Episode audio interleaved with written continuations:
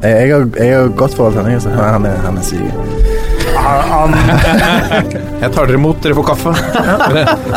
Nå mista jeg lyden i høretelefonene. Der kom de tilbake. Ja. Ja, det er hyggelig å være her. Jeg er glad i, i podkast som fenomen. Jeg må ut. hjemme mot Lyngen Karnes gikk de på et litt leit 0-19-tap eh, her. Hvilken Så det- divisjon snakker vi? Er det tredje eller fjerde? Fjerde, fjerdedivisjon. Kjetil Rekdal fra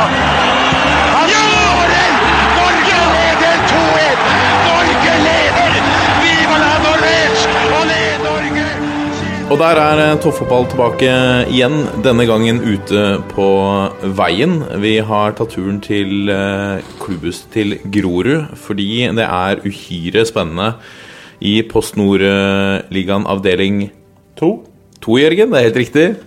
Eh, Det er tre kamper som gjenstår, og Grorud kjemper eh, litt overraskende for eh, mange om opprykk til Obos-ligaen. Og hva er vel bedre enn å ta turen til mannen som er en av de som gjør det hele mulig. Han er, eh, ble kåret til årets unge trener i 2018. Eh, I dag trener 28-åringen Grorud på andre året og har imponert alle i, i denne sesongen. Eirik Kjønne, velkommen. Takk for det. Eller du, det du skal si velkommen til oss, kanskje? Takk for at vi fikk komme. hit. Ja. Mange takk. Vi sitter altså, Beskriv, eh, beskriv områdene her nå, for det knytter seg jo litt forventning eller spenning til om, om Grorud og, og fasilitetene her er gode nok for et eventuelt opprykk til Obos-ligaen. Akkurat nå sitter vi sitter i en brakke. Og den brakka her er jo dobbelt så stor som det klubbhuset vi hadde før. Så det er et veldig steg opp. Eh, og så venter vi på en hall som bygges rett ved siden av her. Og det blir, det blir veldig bra. Så sånn angående fasiliteter eh, eh, på nivå høyere opp, så er det topp kvalitet. Det er garderober som er store nok, det er mange nok garderober. Det er dopingrom, eller kanskje antidopingrom, som man kaller det. Kan hende vi fikk hemmeligheten til Google der. Ja. det er dopingrom. Det, der har de vært, eh, og de har sett på, på planene, og det, det er godkjent eh, også for Eliteserien. Så, og eh, banen dere var på i stad, den den er jo helt ny. Den er jo et par måneder gammel. Topp, toppklasse undervarme. Og, og kunstgress er også anbefalt av NFF. Og en av de mest miljøvennlige banene i Norge. Absolutt.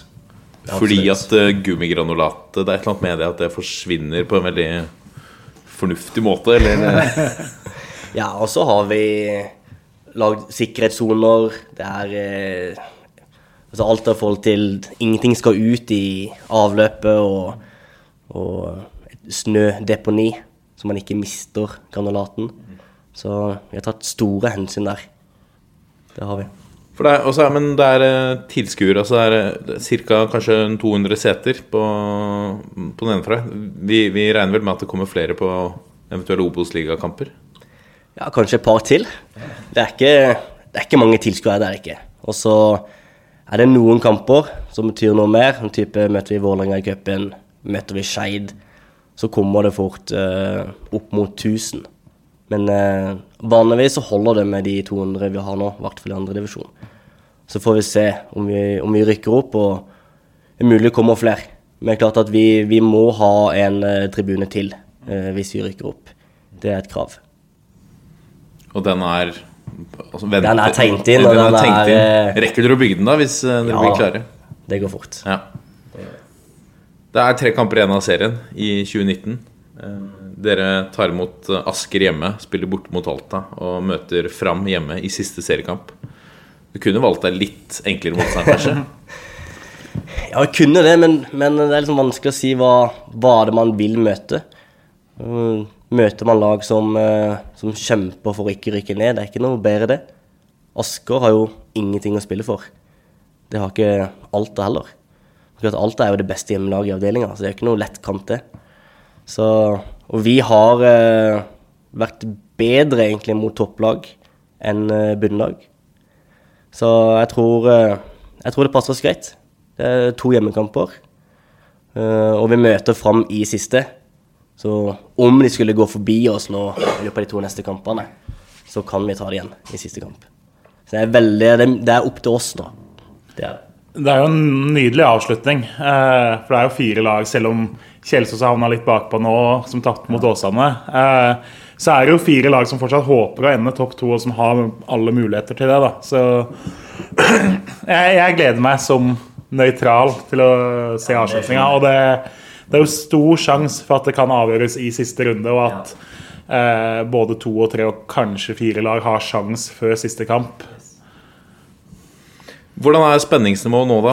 Åsane ligger eh, ett poeng bak. Dere har eh, et tap og en uavgjort på de to siste. Eh, Dere har kommet kanskje litt ut av den seiersflyten og den formtoppen som dere har hatt.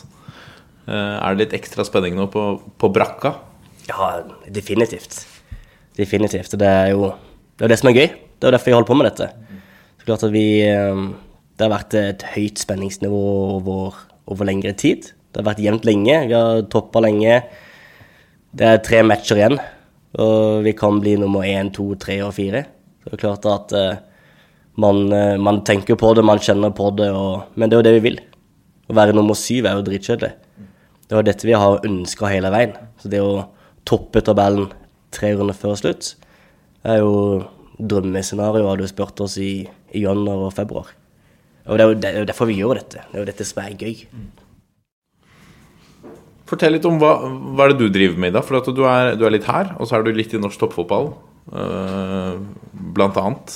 Eh, er det en fulltidsstilling å være trener i, i, i Grorud i utgangspunktet? Ja, det er det.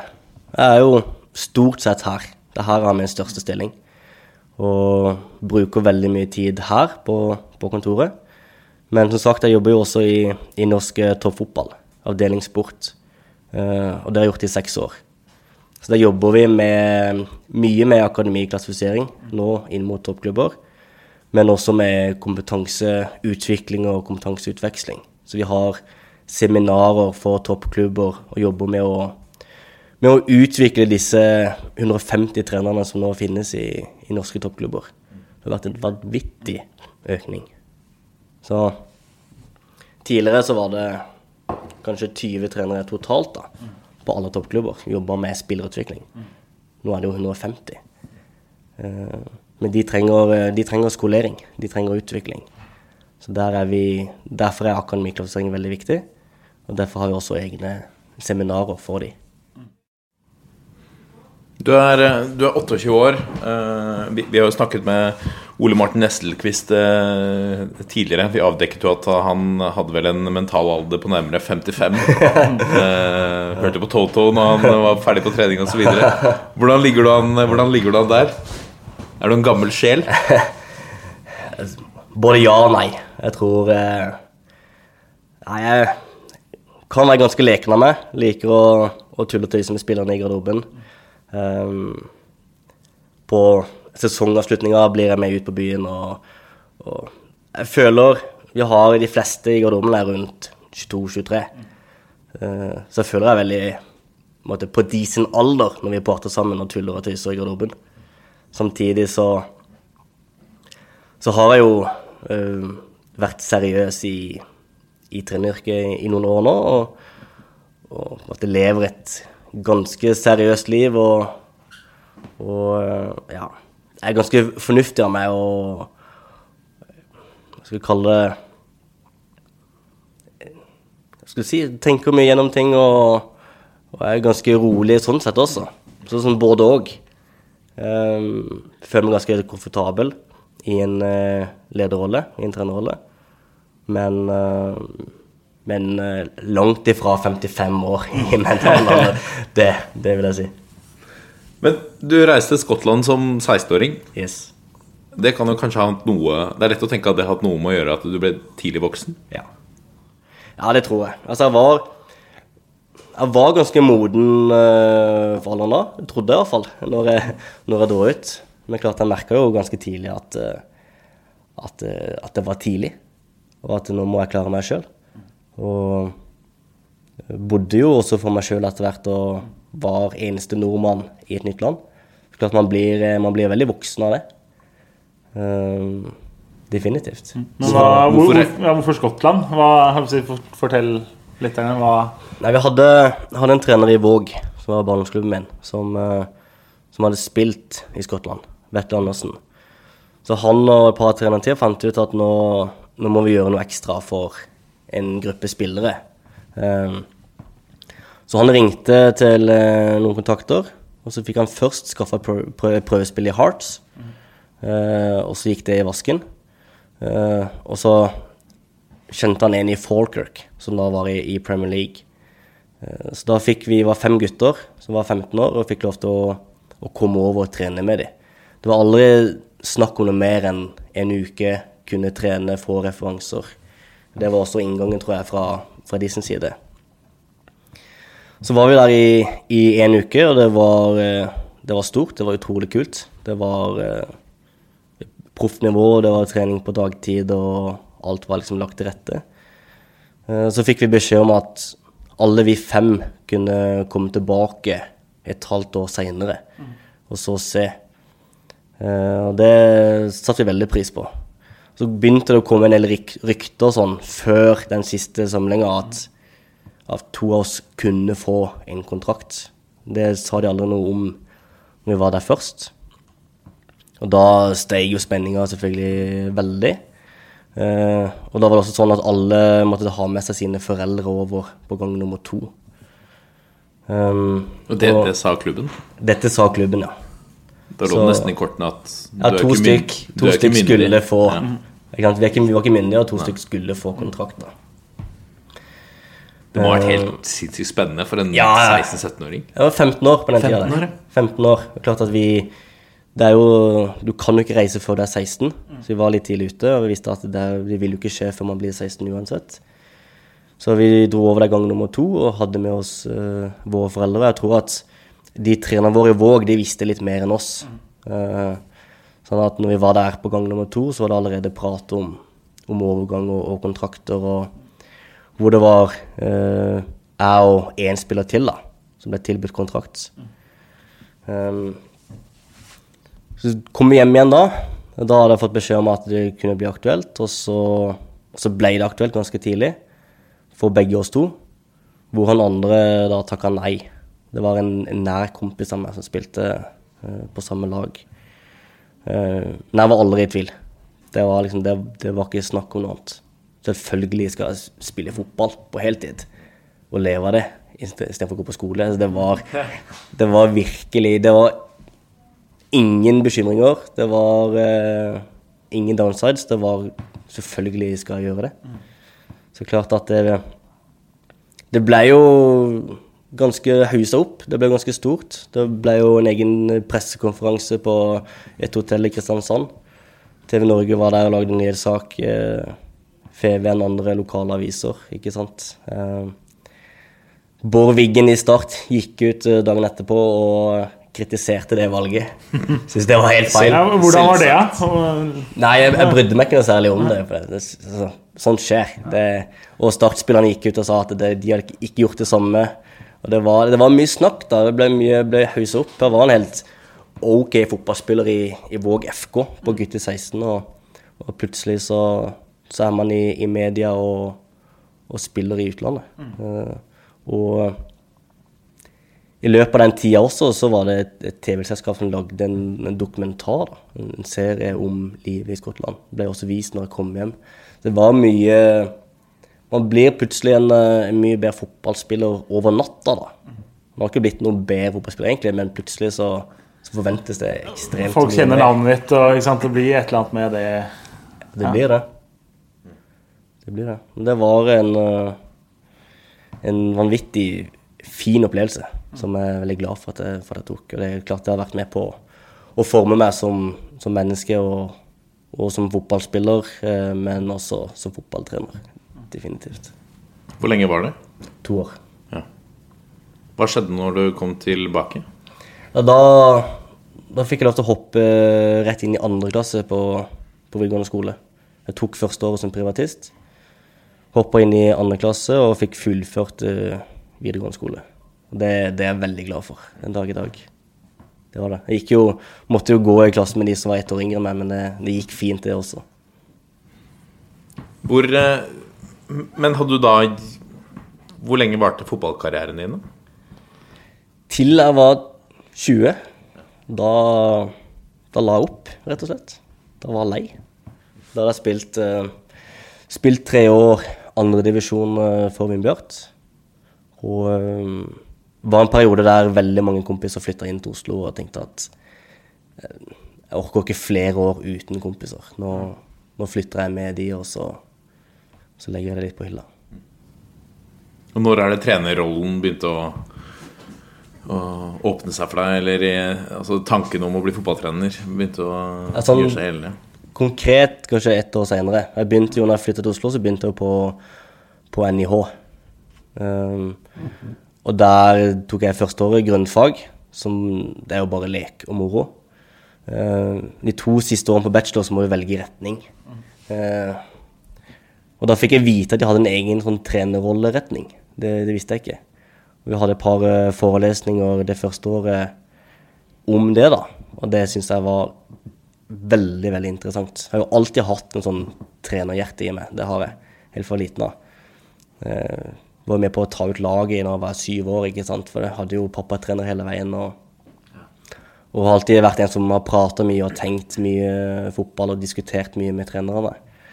Vært mye uenig også i, i mine trenere opp igjennom. Så det, det har ligget der hele veien. Og så når jeg fant ut at jeg kunne ta en, en bachelor i trenerrollen, så tenkte jeg det er ekstremt kult. Så jeg var litt usikker på er det fornuftig å sitte med en bachelor i, i kun det. Eh, og så valgte jeg å gå for det, og det, det er jeg veldig glad for. Så ja, fra jeg var 21 så har jeg egentlig gått all in uh, på det. På mye av det, det er jo en del som ikke Som selvfølgelig ikke har den bakgrunnen, som ikke har en, en bachelor i, i trenergjerningen. Hvor mye har det hjulpet deg, vil du si, da, kontra å, å kun gått liksom La oss si brukt de tre årene til å, ren praksis, da, jobbet i en klubb f.eks. Ja, for min del er det ekstremt mye, eh, og har gjort begge deler hele veien. Så klart at eh, når jeg ser på meg sjøl som trener, og hva jeg står for, og, og hva jeg kan, så er det eh, nesten alt, eh, alt jeg kan og praktiserer, kommer jo fra en, en utdannelse, en, en bachelorgrad eh, på NIH, så det var veldig gunstig. Um, men seks år i norsk toppfotball med de ekspertene som, som er der, da. Klart at jeg har jo lært veldig, veldig mye av det. Og det er vanskelig å, se for meg hvordan jeg hadde vært som trener uten det. Men det er klart at på den tida jeg kunne jo fortsatt, jeg kunne jo spilt fotball i andredivisjon de syv årene her, da. Kanskje hadde tatt seg opp i Obos-ligaen eh, over tid og fått den spillererfaringa. Så det er jo noe man, man velger bort. Men eh, jeg tror for min del så har det vært, vært helt riktig at jeg satsa så tidlig på å, bli, på å bli trener og brukt så mye tid på å eh, utdanne meg og få erfaring. Og så har jeg jobba i klubb eh, i tillegg, da. Så har jeg jo Jeg fikk jo en, en ganske fin spillererfaring på de årene fram til jeg var 20. Men det er klart jeg kunne jo fått, kunne fått mye mer. Hvordan kom du inn i Grorud? Det har jo, har jo vært en sørlending her eh, før deg også. Ja. Så, ja. Rolf, eh, Rolf Teigen, som var hovedtrener her eh, før, han var jo min lærer da på den trenerutdannelsen. Han hadde fotballfaget der. Klart jeg ble kjent med han, med han der. Og så åpna seg en stilling her i klubben. De trengte en utviklingssjef som skulle bygge klubb egentlig fra seks år opp til A-laget. Med litt sånn fri tøyler til å gjøre egentlig det jeg ville. Og det syns jeg var en veldig spennende stilling. Den, den takka ja til da. Samtidig som jeg gjorde Samtidig som jeg jobba med, med hele segmentet ned til seks år, så fikk jeg også jobbe med Rolf og var assistenttrener på A-laget sånn fra første stund. Jeg fikk jobbe med han i fire år på A-laget her, med mange av de spillerne som fortsatt er her i dag. Så klart Det har gjort det mye lettere å, å ta over og, og bygge videre. Det har det. Hva har du plukket opp av han, eh, da? Ja, det er også veldig mye. Han er ekstremt faglig dyktig. Altså, han regnes jo som kanskje den smarteste i, i landet på fotballfag. Han er jo den som holder foredrag for, for toppklubbene når vi samles. Så det er utrolig mye fotballfag eh, som jeg har lært av han. Eh, og det setter jeg, setter jeg veldig pris på.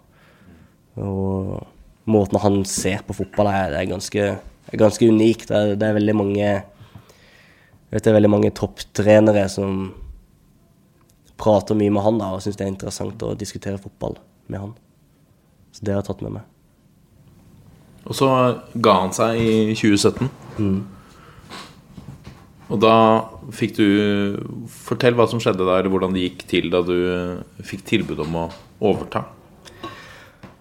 2017 var jo et, eh, et skuffende år for oss. Vi, vi hadde jo håp om å kjempe om opprykk, og hadde mange gode spillere. Eh, og så gikk det ikke helt som vi håpte. Vi fikk en god start, men så fikk vi mye skader og dårlige resultater, og så gikk det dårlig. Vi hadde veldig mange spillere på utgående kontrakt, og, og når Rolf eh, valgte å gi seg, så var det veldig, det var veldig usikkert på hva er veien videre.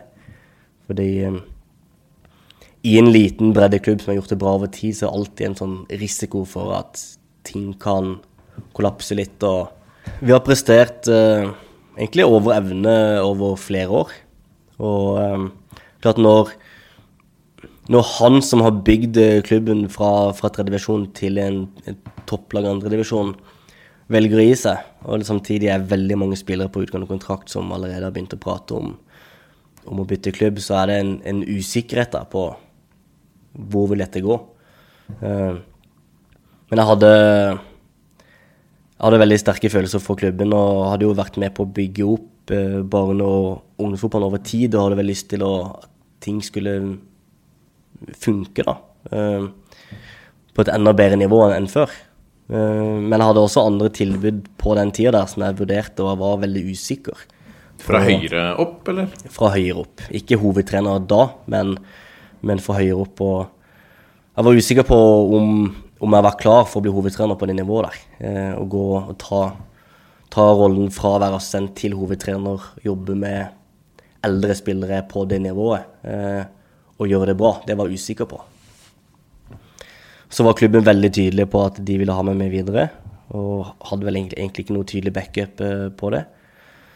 Og så tenkte jeg ok, greit, jeg gir det forsøk.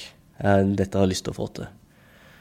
Det var eh, Det ble mye tøffere den vinteren enn jeg hadde trodd også. Jeg visste at det kom til å bli tøft, men så ble det plutselig mye tøffere. Fordi For dere hadde, hadde dere fire spillere på kontrakt? vi hadde, vi hadde litt flere enn det. Vi hadde syv i hvert fall. Men vi, vi møtte opp her i januar og hadde tenkt å trene her, da, hvor vi har klubbhus og alt. Ender jo med at eh, kommunen stenger banen for vinterdrift. Får ikke lov til å brøyte. Får ikke lov til å, å trene her. Og da står vi egentlig på bar bakke og har ikke bestilt noe backup. Og de aller fleste er jo allerede bestilt. Så heldigvis da, så fikk vi tre økter i uka på NIH, men en treningstid klokka fire, som var veldig vanskelig for mange. Vi fikk en økt oppe på, på Vestli, på en bane der, og så fikk vi en styrkeøkt i tillegg, så det gikk akkurat rundt. Men, men i løpet av desember og januar så er det jo Vi mister jo flere og flere spillere, og alle ser jo at her er det mange spillere ut. Når vi møtes i januar for å trene, så, så får vi ikke trent her allikevel, og må trene på NIH. Det er skuffende, ikke sant? Og så mister vi enda flere spillere. Og så må man egentlig bare begynne å, å bygge opp og, og skape en tro på at det her kommer til å, å gå greit. Um, vi hadde en haug av prøvespillere, og det var veldig mange fra lavere divisjoner som, eh, som vi takka nei til, og som heller ikke har spilt fotball eh, i andre divisjon eller høyere i ettertid. Men jeg tror det som har redda oss på alt dette her, er at mange av de eldre spillerne, mange av de beste spillerne som har vært her over tid, at de, de valgte å stå i det. De valgte å si at eh, dette her tror vi på. Greit, vi har mistet noen gode spillere, men de kan vi erstatte med bedre spillere. Så de var med på det. De måtte Det var nok gode spillere som hadde hjerte for klubben, da, til å bli. Eh, For hvis ikke så hadde alt rakna helt. Og når man har akkurat nok gode spillere, så kan man tiltrekke seg gode spillere også. Og så begynner man å bygge en ny gruppe, en ny identitet. Og så får man så traff vi heldigvis på noen signeringer. Fikk inn noen gode spillere. ganske seint. Tapte jo alle treningsmatchene. Eh, Så møtte vi Skeid i, i siste treningskamp før seriestart, hvor tre av våre beste spillere hadde gått til. Eh, Og da klarte vi å få en sånn derre vinnermentalitet i den kampen, at vi skal faen meg slå Skeid. Eh, Og vi slo de i den matchen der. Det bygde en, en sånn mestringstro, og det var med på å skape en identitet på at vi er underdogs. Og så hjalp det jo at dere og, og mange andre tippa oss ned. Ja. det brukte de som motivasjon. Klart at eh, når man så på laget vårt i, i januar-februar, så, så tenkte jo alle det. Vi også tenkte her blir tøft. Så fikk vi noen gode signeringer rett før seriestart, og så fikk vi en god start bort mot Hønefoss, og vi fikk tre seire. Og plutselig så, så fikk vi en tro på at vi er et godt lag. Det, det trengte vi. Så vi hadde starta med to tap. Vi er en ny gruppe, jeg er litt usikker på hvor gode er vi egentlig. Vi fikk den seieren mot Skeid. Så fikk vi tre seier på rad i serieåpninga, og plutselig så var vi et eh, godt fotballag. Og det Litt deilig revansj mot uh, Jørgen Kjernås også. Ja, ja. Seier over Hønefoss der. Vi hadde oppe i garderoben eh, flere sånne tabelltips, og uh, lagde Du en brukte det mot um, i Ja, jeg lagde en oversikt over alle tabelltips, Dagbladet, VG, Kjernås og flere. Og det var eh, nedrykk rett over strek på alle. Og klart, det skal vi faen meg motbevise. Så det ble motivasjon. Og så brukte vi det for å bygge det der underdog-stempelet. Så vi ble veldig hardtarbeidende og vanskelig å slå, eh, spesielt på bortebane. Og det, det tror jeg var en nøkkel i, i fjor, da. Tror du at det tok bort litt press og litt høye skuldre fra, fra spillerne, eller hvordan, hvordan fungerte det? Ja, definitivt. Sånn fra Som en trener, det aller beste for en trener er jo lave forventninger og, og gode prestasjoner. Det er jo det aller beste. Så for min del så var det deilig å se at vi ble tippa ned, og jeg tror det for spillerne også så tok det vekk litt press, og vi fikk jobbe veldig eh, ja, uten press, da. Og selv om vi gjorde det bra, så var det ingen som forventa at vi skulle rykke opp. Så det tror jeg var en fordel i, i fjor. Det tror jeg. Men fortsatte du å vise fram de tabelltipsene gjennom hele sesongen? Var det det som gjorde at dere havna på, på Nei, det var, eh, det var mest i starten. Altså. Man, det blir jo brukt opp på tidspunkt, det også. Så det var mest inn mot den Hønefoss-kampen, egentlig. Så slo vi Hønefoss, og så går kapteinen til Hønefoss ut av avisa og sier at uh, Grorud spilte som dyr. Hadde ikke spilt for de for én million i, i året, og så bruker vi det også på at eh, folk frykter oss, de hater oss. eh, det er oss mot alle. Og det var også med på å bygge den boosten om at vi, vi er underdogs og vi skal kjempe i hver kamp. Man får jo alltid høre det. altså Tabelltips, man bommer jo alltid på noen lag, nesten uansett uh, sesong. Det, man får jo tilbakemeldinger på de lagene man har bomma skikkelig på. Og det, jeg syns jo det er gøy. Det er jo en del av leken. Eh, det er veldig veldig få som blir fornærma over å bli tippa liksom langt ned. Det er veldig mange som er uenig, men man skjønner på altså, Noen ender jo sist, og noen ender på nedrykk og sånn. Eh, men man får jo noen stikk gjennom året av de som har motbevist det. Jeg endte jo bl.a. med Mandalskameratene på sisteplass. Det er klart det, Man får jo høre det når de da ser ut til å bli nummer to nå i sin avdeling. Eh, sånn er det jo alltid, og det er, det er gøy, syns jeg, da. Men hva slags, eh, hva slags trenertype er du i garderoben? Er du en sånn uh, Any Given Sunday, lange taler-type? Eller uh, er du mer på nettet med spillerne? Hvordan eh, Er du hissigproppen? Hva- Eller kan du plukke litt fra alle? Ja, jeg, jeg, tror, jeg, jeg tror jeg er litt av alle, faktisk. Sånn utenfor banen, sånn i garderoben, rett før trening, rett etter trening, så er jeg rolig, avslappa. kan kan altså spøkefull, ler mye, smiler mye. Um, så når treninga starter, så, så er jeg da på jobb, da er jeg seriøs. Og så kan jeg også bli Jeg kan smelle til litt. Jeg kan bli ganske hissig. Det, det har spillerne lagt merke til, da.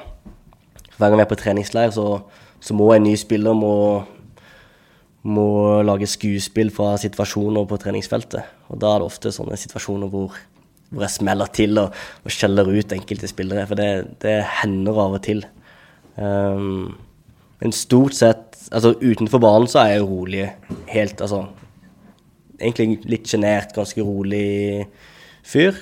Eh, på trening og kamp spesielt så er jeg hissig. Altså, jeg har jo eh, et temperament. Det har jeg alltid hatt som spiller. Fått mange gule kort eh, for kjefting på dommer og, og blir veldig revet med, da.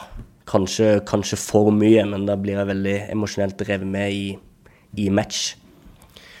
Og så før kamp så, så varierer det. Av og til så trenger man ikke si så mye, og, og av og til så, så kan man smelle til med noen motiverende ord og liksom virkelig bygge opp eh, et tenningsnivå. da. Men det også varierer litt, så jeg er litt usikker sånn, konkret på hvordan spillerne ville beskrive meg. Men jeg, jeg håper og tror at de, de mener det er lett å prate med meg sånn utenom trening, og at jeg kan være med og, spøke litt. Det, det gjør jeg mye. Men at uh, på trening så, så er jeg seriøs, og jeg vil ha det kvalitet. Jeg vil ha det seriøst, og jeg vil stille krav, da. Uh, Men der merker jeg også veldig forskjell på, på kultur i Skottland, da, eksempel, og, og, og kultur her. På hvor mye man smeller til på trening i Skottland, og hvor mye man kan gjøre det.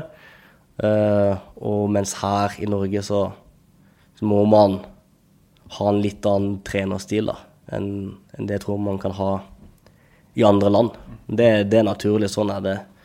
Det er forskjeller fra land til land, hvordan, hvordan ting er. Det er, det er veldig forskjellig her i Norge i forhold til hvordan det var eh, når jeg spilte i Skottland. Det er det. Når var det, Kan du huske øyeblikket i år hvor du var mest forbanna? I år Eller i fjor? Det var eh, Det kom, det kom, én gang. Ja. Jeg var vel på treningsleir i, i Spania hvor jeg gikk gjennom men det var en 11 mot 11-sekvens.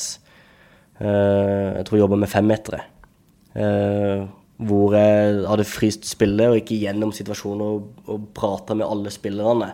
Og bare opplevde at det var noen som prata samtidig med meg i bakgrunnen. Og det var jo, var jo Emilio Garcia, en av de eldre, rutinerte spillerne, som har mye fornuftig på hjertet. Han bare kan ikke time det alltid like bra, da. Så han måtte liksom samtidig som jeg pratet med keeperen om hva han skulle gjøre, så skulle han prate med keeperen om hva han mente var riktig. Og da, da kjente jeg da kokte det i meg. Og da, da mista jeg det litt, faktisk. Jeg, da smalt jeg til og, og, og skjelte han ut. eh, Og da ble, han, da ble det ganske stille blant alle spillere ute på feltet der en liten stund, og så gikk vi videre. Klart at uh, kvelden etterpå så skulle en spiller uh, imitere meg, da, da klart det ble, det ble tatt fram. Det ble tatt fram da. Så det er vel kanskje årets uh, situasjon i år, da. Så jeg har hatt et par sånne situasjoner. Men det, Så det er ikke så ofte, heldigvis. Selvironi på det, på en måte? Ja, veldig. veldig. Det, det er noe av det gøyeste jeg vet om det, når, når spilleren skal, skal herme etter ting jeg har sagt og gjort. Og det syns også spillerne er veldig, veldig kult. Mm. Du har vært litt inne på det, men, men hvordan tror du de ville beskrevet deg, da? Hvis, jeg, hvis vi hadde spurt dem? Kanskje vi skal spørre dem, hvis vi finner noen Ja, hengende ja det bør jeg spørre dem. Jeg tror de Jeg tror de beskriver meg som en uh, som kan være ganske rolig og le og tøyse og være med på spøken i, i garderoben. Eh, sikkert. Jeg tipper de beskriver meg som litt tenkende. At jeg ofte kan gå rundt på før trening og på treningsfeltet og før match og, og tenke mye. Um, jeg tipper de beskriver meg som grundig, i hvert fall analytisk. Bruker mye tid på neste motstander, ser video, uh, sender videoklipp og, og på en måte også ute på felt i forhold til spillestil og, og detaljer. Eh, og så tror jeg de vil beskrive meg som en som kan bli, kan bli hissig og sinna, spesielt på match. Det tror jeg nok. Hvilken rolle spiller fotballen i, i Groruddalen? Nå har du, du har vært i klubben en stund. Du sier at det er lite folk på tribunen. Ja, jeg tror eh, Jeg tror fotball spiller en veldig stor rolle for de ungdommene som spiller sjøl. Altså, tror jeg sånn i forhold til supporterkultur og, og det vi gjør, så foreløpig ikke så mye, annet enn at uh, våre A-lagsspillere er store forbilder for mange av de unge her i dalen. Definitivt. Det, det ser man også på kamp, og det ser man på trening. Men jeg tror Jeg tror det er eh, ekstremt viktig her i Grodan at ungdom velger å spille fotball og være en del av det miljøet her. Fordi eh, det er dessverre sånn at det er andre miljøer som også er gode på å rekruttere ungdommer eh, til steder de helst ikke burde være. Det er dessverre veldig mange som ikke fullfører vid- videregående skole her i, i Groruddalen. Og det er, det er problemer med, med gjeng, altså gjengmiljøer, gjengkultur. Og, eh, og gjenger tar til seg folk allerede på ungdomsskolen. Eh, Kanskje til og med barneskolen. Så det at de, at de spiller fotball i en klubb, at de er en del av det miljøet der, gjør at de bruker fritida si her, og de får gode, sunne verdier, og de får et fellesskap, og de får et vennskap som er sunt her, da. Og det tror jeg er ekstremt viktig her i dalen. Jeg er jo vokst opp i Groruddalen, og er, selv om jeg vokste opp på, måte, på utkanten av dalen det det er jo en dal hvor det skjer veldig mye, og som du sier, altså det ja, Er det ikke fotballen, så er det fort noe annet. Da kan det gå en annen eh, retning for deg. Og se på norske landslaget. Det er en ganske betydelig andel spillere på norske landslag som eh, er vokst opp i Groruddalen. Og eh, man prøvde jo på starten av årtusenet så prøvde man seg med Groruddalen ballklubb. Da var det seks klubber i dalen som ble enige om å samarbeide, danna en felles klubb, henta de beste spillerne fra alle klubbene og et par spillere utenfra. Eh, og hadde jo som mål Da skal man bli eh, bak Vålerenga og bak for så vidt Lyn òg. Eh, så gikk det jo ikke helt veien. Det gikk bra en sesong, eller et par sesonger. Rykka opp til andredivisjon og var i toppen der. Så kom det jo da et generasjonsskifte på spillersida, samtidig som man opplevde at det var jo vanskelig å samle dalen. Det, selv om man var i toppen av 2. divisjon, så var det få tilskuere, egentlig. Fordi det var- blei på en måte ikke naturlig for en å dra fra Grorud opp til Greibanen da, og se på eh, et lag som man liksom ikke hadde identitet og tilhørighet til. Man ville Så ofte at folk dro heller og så moderklubben sin i tredjedivisjon enn å se GBK spille annendivisjon. Eh, og så mista man spillere, måtte hente utenfra og fikk, liksom, fikk ikke samarbeidet til å funke. Men eh, det ligger jo et potensial her som Grorud jo nå er i ferd med å uh, utnytte, da. Uh, det bor mange i Groruddalen. Uh, det er det altså, Man hadde jo vært på størrelse med Stavanger hvis man hadde blitt en egen by. Og så er det jo da de som satser på fotball. Altså det er mye seriøse spillere òg i dalen, og det er mye talent. Så eh, ja. For en fra Årvoll så er det jo litt vondt også å se at neste år så kan faktisk Grorud være tre divisjoner over Årvoll. Det, det hadde jeg ikke trodd på hvis man hadde sagt det for 10-15 år siden. Men eh, det er jo utvilsomt gjort en god jobb her oppe for å gå fra å være en breddeklubb, sånn som det fins veldig mange av, til å nå være en toppklubb i andre divisjon.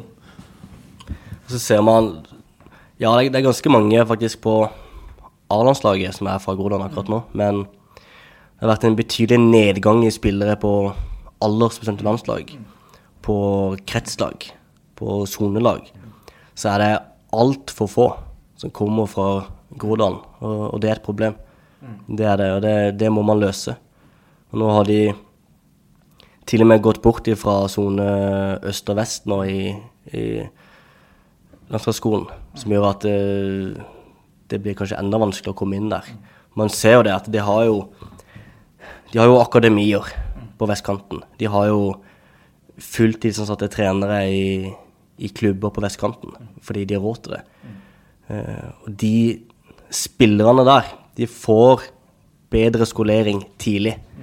Eh, selv om kanskje potensialet er større her. Tenker på hvor de kommer fra og de genene de har her. Men den gode skoleringa blir for tilfeldig her ute og starter for seint. Så når spillerne er 12-13 år og blir sendt på uttak, hvis de blir sendt på uttak til kretslag, så er det for få som kommer inn. Man ser kanskje at oi, oi, disse spillerne på vestkanten er, de, ser bra ut, de ser bra skolert ut. De tar vi ut. Og så, får man, så er det veldig få spillere fra Godan som blir tatt ut nå. Og det, det må man gjøre noe med. Man, ja, man ser jo bare på spillerstallen din, så altså, både Bjerkealliansen 1990-årgangen, Rommen 1995, der har du de tilfeldige altså, det, det var gode årganger som ble satsa godt på, og som hadde noe rundt seg sant, i sine klubber. Eh, og da har du spillere som spiller på de øverste nivåene i norsk fotball, og som har spilt der før. Og noen havner da i Grorud. Eh, så du må jo ha den derre bevisste skoleringa fra, altså, fra du blir tosifra antall år, da. Ja. Definitivt. Jeg ser at det funker. da. Når du ser når, når Rommet 95 får eh, bra trenerapparat rundt seg og, og flere gode spillere som spiller på samme lag, så ser du at da blir det skikkelig bra. Men det blir for tilfeldig. Det, det må man gjøre noe med. Men hva, hvordan tenker man altså Grorud som Groruddalsklubba? Hvordan, på en måte, hvordan Hvis det er et talent på Stovner eller et talent på Årvoll eller på Ammerud, hvordan tenker man i forhold til det? Jeg tror vi på sikt, spesielt hvis vi rykker opp, men vi på sikt må ta på oss rollen som et slags kompetansesenter i Groruddalen. Vi må jobbe mer ut. Vi må hjelpe klubber rundt oss. Vi må ha gode økter for gode spillere uten at vi trenger å, å hente til oss tidlig. Det burde ikke være nødvendig. Og så tenker jeg at eh, Oslo fotballkrets eh, må gjøre mer for å utvikle spillere her ute i Groland. Altså, de burde istedenfor å ha eh, X og Y, to deler, så burde de ha mange flere sonelag. Og gi mer ansvar til klubbene. Hvor vi definitivt burde hatt ansvaret for et sonelag ute i Groruddalen. Da kunne vi jobba med mange gode spillere i mange klubber én økt i uka med god påvirkning, og hatt trenerforum i samme slengen, uten at de trenger å bytte klubb for å få det til. Det hadde løfta fotballen i Groruddalen veldig. Men så må vi og alle klubber i, i dalen her må ta mer ansvar i forhold til barnefotball. For det skjer veldig mye uh, før man kommer inn i puberteten. Uh, og man trenger god skolering uh, tidlig. Det, der må det også skje noe. Dette er toppfotball. Som A-lagsspiller i, i Grorud, du nevner at de er 22-23 år, mange av de, cirka? Det varierer, men stammen er 95, mange fra det rommet 95-kullet.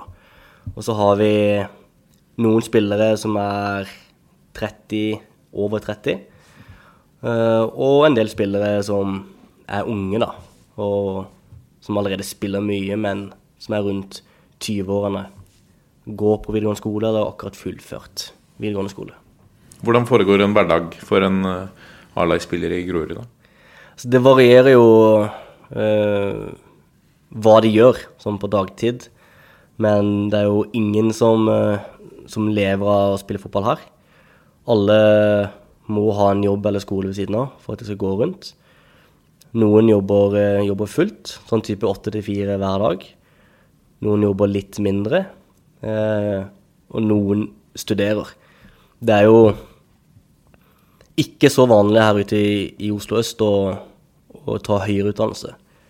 Eh, det er veldig vanlig å ta ett friår, to friår og være ringevikar på, på nærmeste barneskole. Det, det gjør egentlig de fleste av gutta. Så de, de trives, de, de er kompiser, mange av de som er i, i garderoben her. De, noen av de bor sammen, og de bruker mye tid sammen. Og mange av de er, er lærere på samme barneskole også. Og så kommer de hit og, og spiller fotball eh, på ettermiddagen. Så det, det er eh, De er eh, Mange av de er like seriøse, om ikke mer seriøse enn spiller i Obos-ligaen og Eliteserien. Og legger hele sjela si i det. Men, eh, men de er nødt til å studere og jobbe ved siden av for å få ting til å, til å gå rundt. Det må de. Hvor mange av de er som, som bor eller oppholder seg i, i lokalområdet her, kontra Er det mange som kommer fra andre bydeler? Ja, over, over halvparten er jo grodøler eh, og bor her i området. Eh, men eh, alle bor en T-banetur unna. Han som bor lengst unna, er jo Oskar Aga, som er Eller han bor faktisk på Ullevål, da. Så han, han er jo på lån fra Stabekk, så han har ikke lang vei, han heller. Tidligere så hadde vi Dalby, da, som kom fra Godset. Han pendla jo fra Drammen. Klart Det er jo et, et stykke, det. Eh, men akkurat nå så, så er det sånn at alle bor eh, nærme en T-banetur unna. Stabæk. Har dere, et, eh, dere har fått Oscar Oskar Aga på, på lån der. Eh, dere sendte nå toppskårer Oliver Edvardsen i eh, altså den andre veien. Et, eh, må ha vært et, et tap for dere nå i, i jakten på opprykk. Ja, sånn, sånn på kort sikt så er det, det er veldig vanskelig å erstatte en, eh, en toppskårer. Så han var helt klart toppskårer. Var toppskårer i avdelinga nesten. eh, Og har mange assist i tillegg. Og var en veldig viktig del av vår angrepsidentitet. For han har den, den hurtigheten og gjenbrukskrafta å kunne skape ting eh, alene én mot én. Så klart, man Vi brukte også mye tid på å få Oliver til å passe inn i den rollen der. I vinter så, så, så det ikke sånn ut. Han var mye inne i banen feilvendt istedenfor å være mer direkte. Og, og var heller ikke så dominant i første kampene på våren. Så når man først treffer på en sånn spiller og han virkelig får forløst det og, og skårer mål, så er det vanskelig å erstatte på kort sikt. Men klart at Tiri inn fra Raufoss på lån har eh, gjort veldig mye, skåret mye mål.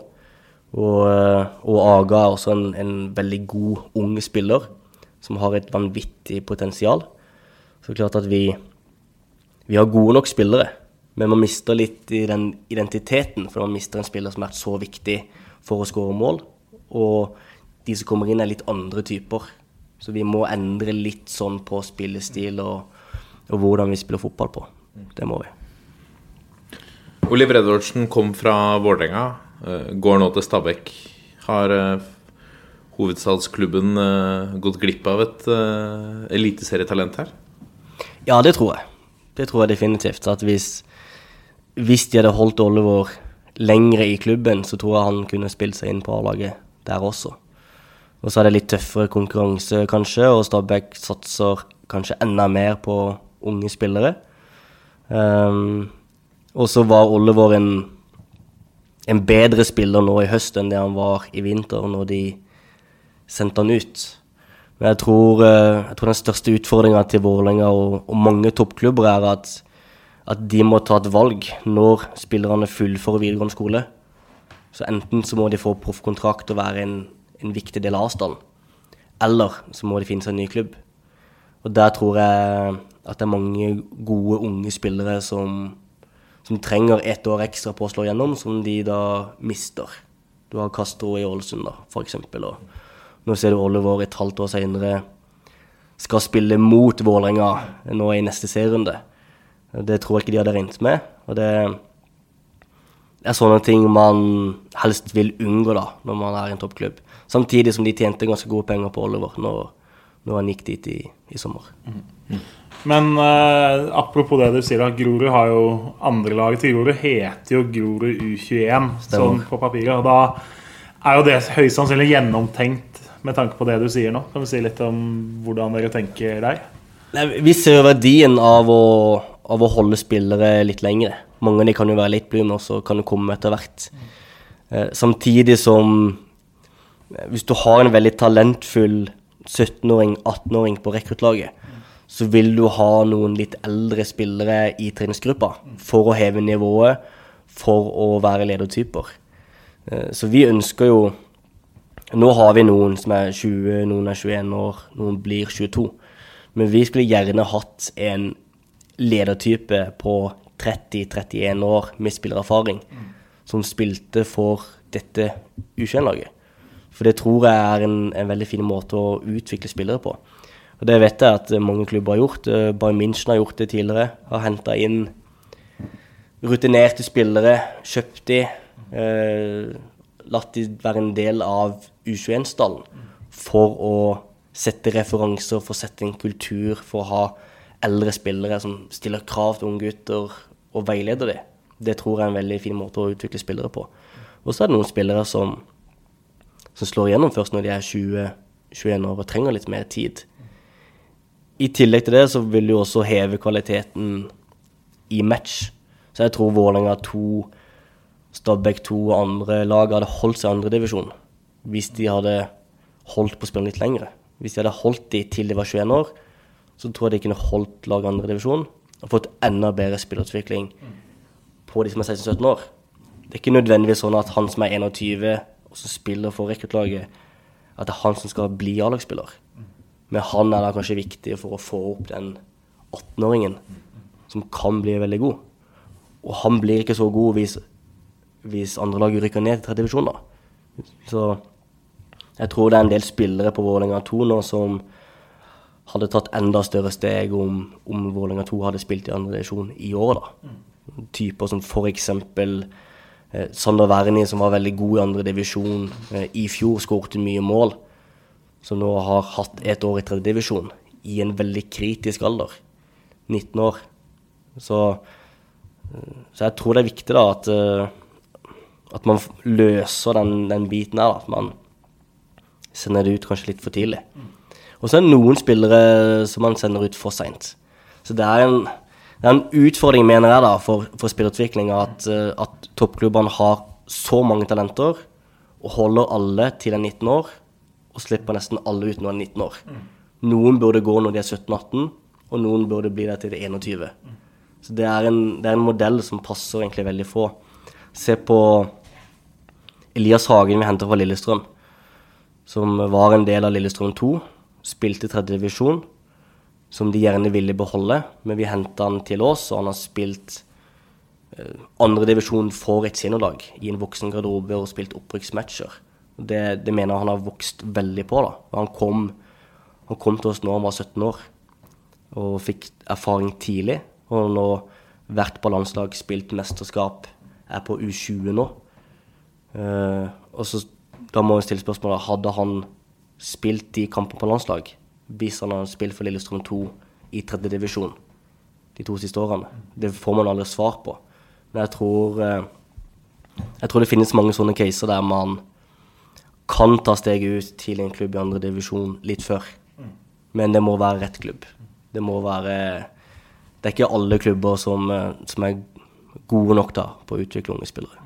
Men Grorud har jo definitivt klart å å få et rykte nå og jobba for å være en av de klubba. Nå har dere jo spillere på lån fra Godset. Dere har hatt Dalby på lån fra samme sted. Dere har Aga fra Stabekk, Ødegaard på lån fra Lillestrøm på andre året. Altså, hva er det som gjør at klubbene vil sende de til Grorud, at uh, spillerne vil hit? De, det er landslagsspillere, altså aldersbestemte landslagsspillere stort sett vi snakker om. Det, det vi har merka nå løpet av de siste to årene, at vi har som du sier, vi har skapt det ryktet, eh, og vi har vist til resultater. Vi har vist at, at eh, spillerne får spilletid når de kommer. Spillerne blir bedre. Vi har fått veldig mange spillere inn på landslag etter at de kom til oss. Og jeg tror toppklubben merker at de kommer tilbake som bedre fotballspillere. Og de får spille viktige kamper. Altså det at eh, de som var på lån i fjor, da, Dalby, fikk spille liksom, avgjørende opprykkskamper mot Fredrikstad. Den erfaringa der er vanskelig å få for et andre lag. At Aga får spille kamper nå hvor vi topper tabellen og det er litt trykk. Eh, Det tror jeg har mye å si. Emil har vokst mye på spilletid her. Så vi opplever at det går eh, Det går rykter mellom spillerne og mellom klubbene at, eh, at i Grorud så er det lurt å være for å ta steg. Man blir satsa på, man får oppfølging. Man kommer inn på landslag.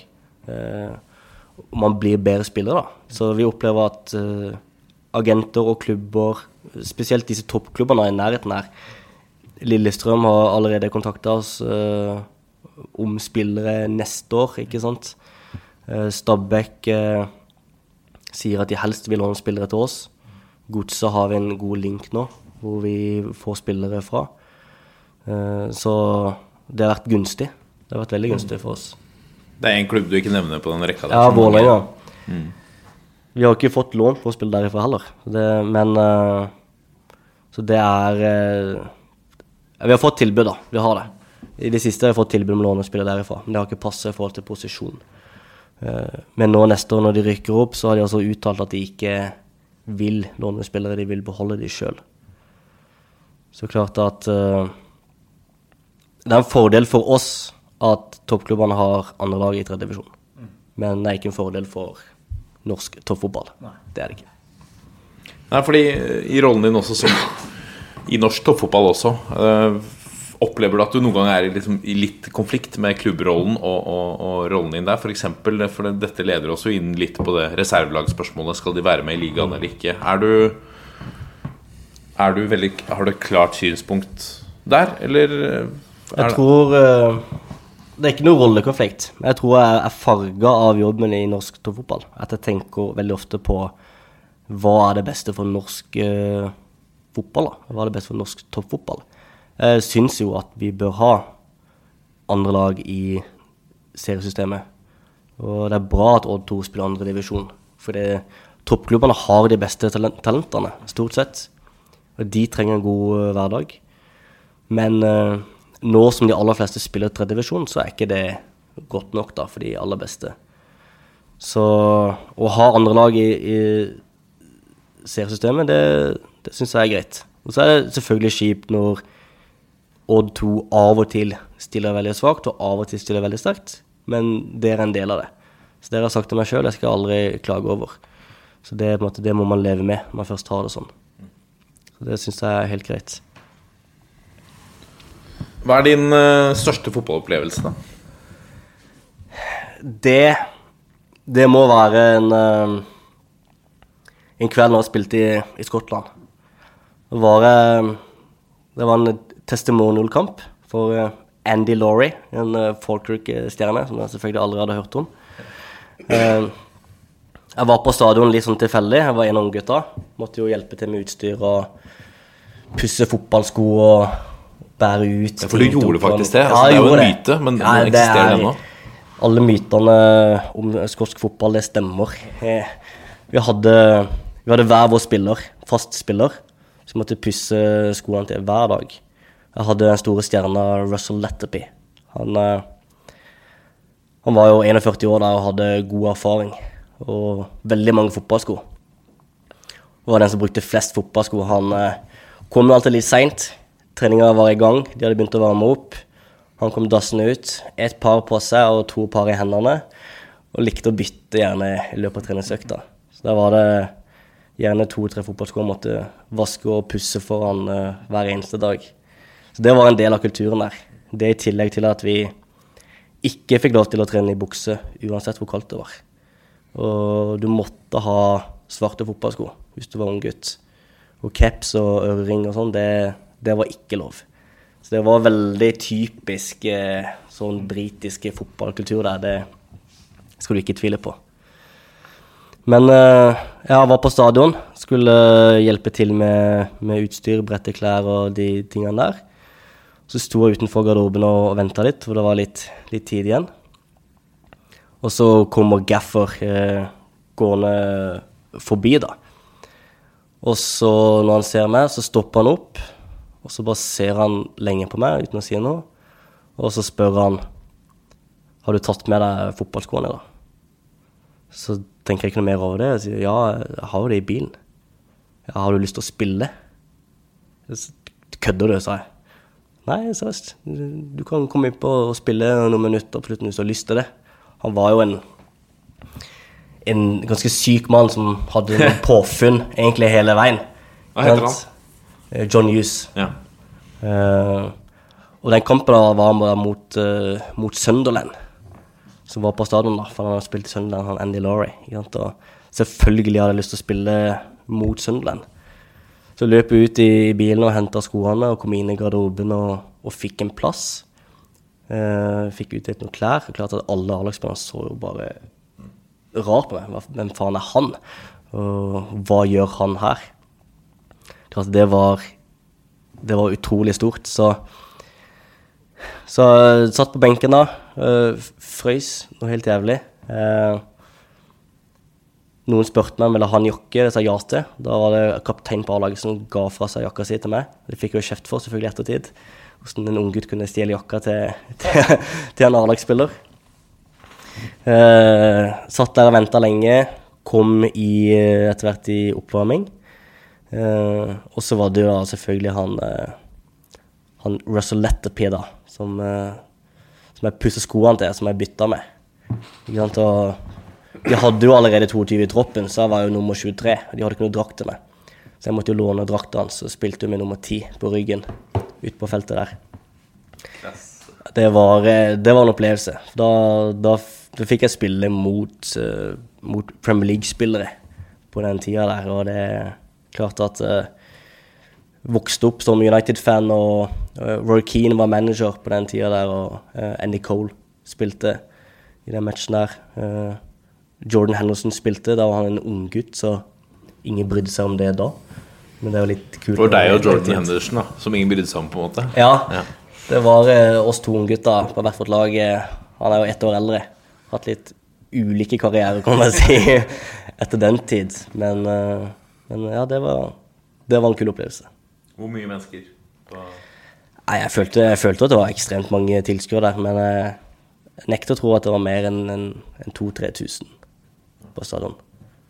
Så det var akkurat nok. Ti tierne. Kom på med tieren. det er greit. Det gir jo litt forhåpninger også blant publikum. Liksom her kommer det en fyr du ikke aner hvem er, så har han drakt nummer ti. Det, du får jo litt tro på han unggutten da, når du Det ser det. mange spillere i, på laget mitt da, som var litt misunnelige for det. det. Det var det. Det viser nok en gang, altså. Alltid ta med deg fotballsko. Ja, Uansett hvor du er. Det kan dukke opp en mulighet. Det var jo samme på Det ble jo helt avsporet, men på La Manga, da Godset skulle spille to kamper på to dager, fant vi ut at det gikk jo ikke. Så de måtte jo bare De raska jo sammen de de fant rundt banen. Eh, Så det var jo da bokstavelig talt en svenske som sto og så på kampen, hadde med seg fotballsko. Ble, fikk spille. De tapte jo 15-0 i den kampen med Mot et eller annet stort. ja, altså Det var vel Lokomotiv Moskva, var det, eller det var et av de store. Og det, altså Halvparten av laget er sånn at godset vet nesten ikke hva de het, de gutta de kastet inn på. For det var han som sto til høyre for benken, han som sto til venstre for benken. Det var, det var Beck-paret. Så, Ja, all, alltid ta med deg fotballsko er vel eh, en god sånn livsvise. Absolutt. Vi har bedt deg om eh, å gjøre litt, litt eh, lekser. Eh, vi har bedt om å sette opp eh, din eh, fire norske fotballstjerners middag. Har du, har du tenkt? Har du forberedt deg, Erik? Ja, litt. Ja. Jeg er jo ikke så god på lekser, akkurat. Nei. Men ja, jeg har tenkt litt på det. Det er jo selvfølgelig veldig vanskelig å velge ut eh, fire stykk, men jeg må nok ta med gode kollegaer i, eh, i Perry og Rune Skarsfjord. Fordi de er De har så mange historier, og det, det tar aldri slutt.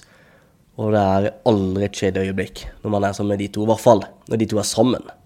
Så én ting er eh, én og én med de, men hvis du kan ha en middag med, med Perry og Skarsvåg sammen, da får du så mange historier og så mye latter at eh, det kan umulig bli kjedelig. Jeg hadde jo en, over en uke på La Manga hvor eh, når begge to jobba i, i norsk toppfotball. Vi hadde La Manga-seminaret. Hvor jeg og en, eh, en annen kollega av meg fikk bo i samme leilighet sammen med Rune og, og Perry.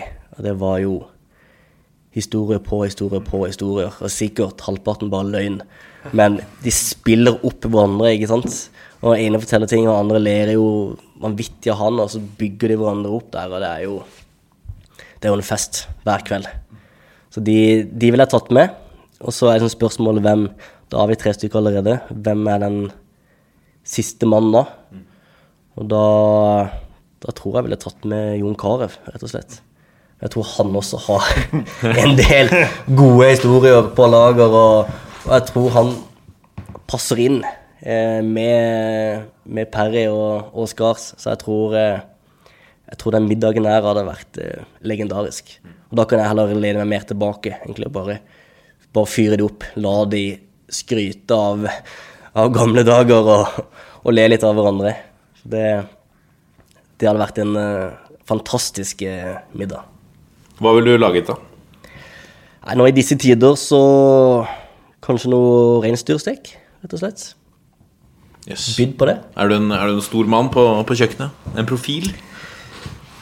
Jeg kan godt si det, men det er jo ikke akkurat det. Men, men mat med tydelig oppskrift, som jeg kan følge steg for steg, det, det klarer jeg. Dette er toppfotball. Har du noe Altså, Du må jo sitte inne med i helt vanvittig arsenal av historier, Erik. Se for meg fra, fra Skottland der. Du, du opplevde mye på to år. Har du noe, har du noe mer juice å, å dele med oss? Det er jo et, et par situasjoner egentlig som eh, Som sitter igjen, og som for meg beskriver veldig forskjellen på kulturen i Skottland og i Norge. da. Um, for det første husker jeg i løpet av de første treningene jeg var der, så var det for det første det ekstremt mye kjefting og skriking fra trenere og fra spillere. Det var jeg ikke vant med. En sånn kultur der det er lov å si ifra, lov å stille krav, eh, som i starten for en eh, 16 år gammel norsk eh, gutt er litt eh, brutalt, når man kommer fra et eh, klasselag eh, i, i Våg. Eh, men som etter hvert blir egentlig litt befriende og litt uh, deilig å være en del av. For det er, det er ikke personlig, det skjønner man etter hvert. Og det, det er lov å bare melde ting hele veien, stille krav. Du skal faen meg følge mannen din. Så du skal blokkere det skuddet der. Sånn er det bare. Gjør det. Og det, det tror jeg man Det tror jeg vi savner litt her i, i Grorud og i norsk fotball generelt. At det er kanskje litt for snilt. At det, det er ikke det er ikke nok folk som stiller krav da, på noen ekte måte. Hvis man gjør det, så tar man det for personlig. Så det var, det var brutalt i starten, husker jeg, men noe som jeg likte veldig godt etter hvert, og, og tok med meg hjem eh, som spiller 18 år gammel i, i Vindbjart og, og skjelte ut lagkamerater og trenere. og det var jo, Folk fikk jo bakoversveis der, husker jeg, de, de første kampene, men jeg tror jeg tilpasset meg litt etter hvert der også. Så husker jeg også at vi ganske ofte etter en treningsøkt eh, Satt satte oss ned i en ring, og da måtte vi en og en stemme på hvem var den dårligste spilleren eh, på trening i dag. Eh, og da måtte vi lagkamerater måtte peke da, på en av oss andre som var den dårligste, og han måtte rydde utstyret etter treninga. Det skjer jo ikke i Norge, og det- tror jeg er greit også. Det sier kanskje litt om, om kulturen eh, der nede, som er mye mer mannekultur og prestasjonsretta kultur. Og så var det etter uh, et par måneder i klubben hadde jeg aldri prata med Jeg spilte jo på U19-laget. Uh, hadde aldri prata med Geffer, altså manageren, tidligere. Og så hadde jeg slitt veldig i starten med å tilpasse meg treningsmengden og, og kulturen og, og nivået. Um, men så har jeg spilt en veldig god kamp da, for uh, rekruttlaget. Uh, og var veldig fornøyd og fått skryt for det. Og så Neste morgen når jeg kom inn uh, og skulle trene, og hadde liksom akkurat fått skifta tatt på meg klærne, så ble jeg henta inn i A-lagsgarderoben. Uh, og der sto Gaffer. Eh, så sto han og så på meg stor som et hus. Han ble jo kalt for Yogi Bear, for han var, han var et beist. Og han elsker å kødde med folk hele veien. Han spurte meg da om ja, spilte du en god kamp i går? Han hadde hørt det. Og så ja, jeg følte jeg spilte en eh, ok kamp. eh. ja, hvor mange innlegg eh, sto det inn? For jeg hadde spilt back den matchen der. Jeg hadde følte jeg hadde vært opp og ned og slått masse innlegg hele veien. Jeg sa kanskje en, en syv-åtte innlegg, da. Og var fornøyd med det, da. Så sto han egentlig bare og så på meg. Så sier han Not fucking good enough. Så, så blir jeg jævlig usikker, da. Kødder han nå? Mener han det, eller og så, og så står han og ser på meg, og så sier han You should be up and down that line like some hookers snickers. Og da blir jeg veldig usikker. Hva faen betyr det? Hva, hva er det du mener nå? Og da måtte jo han eh, Treneren min der måtte jo forklare at eh, det betyr at du må løpe opp og ned langs linja, som underbuksa på ei hore. For hun blir jo Den går jo opp og ned hele tida, for det, hun blir jo pult hele veien. Og det, det skal være deg, som back. opp og ned langs den linja der. Og da var liksom lista lagt fra manageren, og da var det Det var den samtalen jeg hadde med han det året. Det, der har du kravene fra manageren, og det Det tror jeg heller ikke du får høre som ung gutt i, i norsk fotball. altså.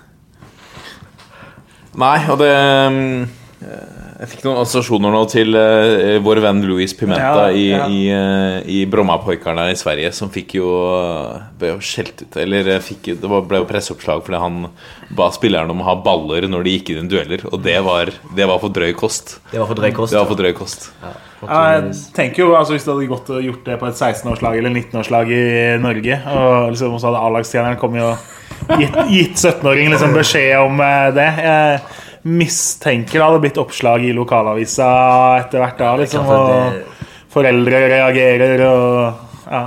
Jeg ser for meg det. Solid story. Det er definitivt ikke noe jeg har tatt med meg hjem hit og sagt eh, til ungguttene i, i garderoben her. Dette er toppfotball. Så har vi fått inn litt eh, lyttespørsmål da vi annonserte at eh, vi skulle dra på besøk hit, eh, Eirik. Vi har et spørsmål fra Eirik Flesjå Olsen, som lurer på om vi får se Peter Guttormsen i Obos 2020. Um, jeg håper ikke det. Da, da Hva sikter han til her? Nei, dette her er en av mange sørlendinger på Grorud 3. Vi har da foreløpig rykka ned fra sjette divisjon. Klart det er en del gode spillere der som kunne spilt eh, høyere opp. Peter er definitivt en av de beste på det laget der. Men eh, veien fra sjette divisjon til Obos-ligaen er, eh, den er lang, altså. Den er veldig lang. Og han, eh, han Han må først begynne å skåre litt flere mål i sjette divisjon før vi begynner å prate om Obos-ligaen. Men, eh, men en, eh, en god spiller da på dette tredjelaget vårt. Så det, Hvorfor er det så mye sørlendinger på tredjelaget?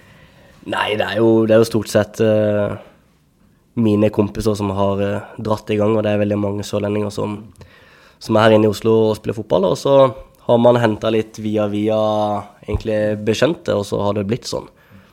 Så klart at det, det har vært uh, Det er utrolig morsomt å spille fotball sjøl, og spille med kompiser. Vi har jo rykka opp fra åttende divisjon til syvende til sjette, og Men du er med og spiller selv? ja, Ja. der er jeg med og spiller sjøl. Og så har vi dessverre da eh, rykka ned, men vi håper at lag trekker seg at For det er jo lag som rykker ned fra tredjedivisjon, som påvirker hvor mange lag som rykker ned fra sjettedivisjon. Eh, så jeg håper at det er mange lag i Oslo som holder seg i tredjedivisjon, sånn at vi kan beholde vår plass i sjette divisjon. Per nå så er det vel bare Årholm. Så er det vel eh, hva blir det? Rommen eh, Man må hoppe Bergen. Grei. akkurat. Grei. Rommen og Grei, må, som jo er to av naboene her òg, som eh, avgjør skjebnen der. Og så, det, så rykker vel mange ned fra fjerdedivisjon nå, også pga. at det legges om litt i, fra tre til to avdelinger. og sånt, så det, det er et litt sånn uforutsigbart puslespill, det der. Man kan fort få et opprykk i, si, desember eller januar òg, som Eller slippe et nedrykk ganske lenge etter at siste kamp er spilt, da. Vi håper på det. Så vi håper på det, så vi har uh, lyst til å rykke opp én-to divisjoner til med dette tredje laget. Så å ta steget ned i syvende divisjoner, det, det er tungt. Så det håper vi slipper. Nicolai Hagen eh, spør om eh, trenertalentet Aksel Berg Mehn Andersen, som også er i klubben. Kan det være en eh, etterfølger den dagen du drar fra Grorud? Det kan det, definitivt. eh, hvis han vil det sjøl. Han, han har imponert meg veldig. Han uh, jobber jo nå med, med 13-årslaget, pluss et lag i, i barnefotballen, og er veldig god på det. Så får man se hva han ønsker uh, over tid. Han, uh, han er en som legger sjela si i det, og har kompetanse i tillegg, da. Så jeg hørte nå nylig at han eh, Han har vel rundt 30 spillere på dette 13-årslaget, og han har hatt spillersamtaler én til én med hver enkelt. Også med foreldrene til spillerne. For å kunne vite mest mulig, og for å kunne påvirke de som, som mennesker og, og spillere. Så Da er du ganske dedikert. ja. ja, definitivt. Og han har et ekstremt godt uh, menneskesyn, og det, det er det han brenner mest for. da, Det å utvikle mennesker. og det Vi, vi trenger sånne folk her i, i Groruddalen. og Så det, det er definitivt en, en god fotballtrener. Joakim Dragsten lurer på hvilken banestørrelse eh, dere planlegger å spille treningskamper på til eh, vinteren. Ja, vi, vi planlegger jo å spille på full størrelse, det gjør vi. Det er klart at vi eh, Vi fikk jo banen vår stengt her i 2018, og i 2019 så fikk vi lov til å brøyte den igjen. Men, eh, men snøen og granulaten måtte ikke forlate banen, så vi måtte lage brøytekanter. Etter hvert som vi brøyta, så kom jo snøen lenger og lenger inn på banen, da. Så når, eh, når han kom hit med, med Eidsvoll og skulle spille treningsmatch, så, så måtte vi sette målet på femmeterstreken og, og spille på en litt mindre bane. Og det er jo uproft og, og kjedelig.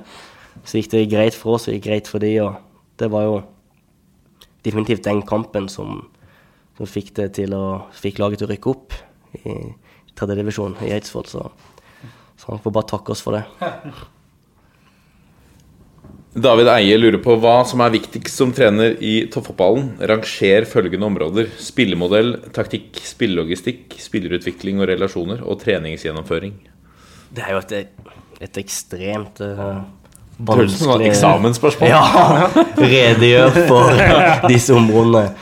Uh, det er vanskelig Jeg syns det er vanskelig å rangere de. Du må, du må være god på alt. Uh, så spørs det jo om andredivisjon defineres som, som toppfotball. Ja, Det gjør det vel, per definisjon. Ja, fra når det står på forhånd, så Ikke i norsk toppfotball, for vi jobber med Obos og men- Eliteserien, ja. men, men ja, uansett, da.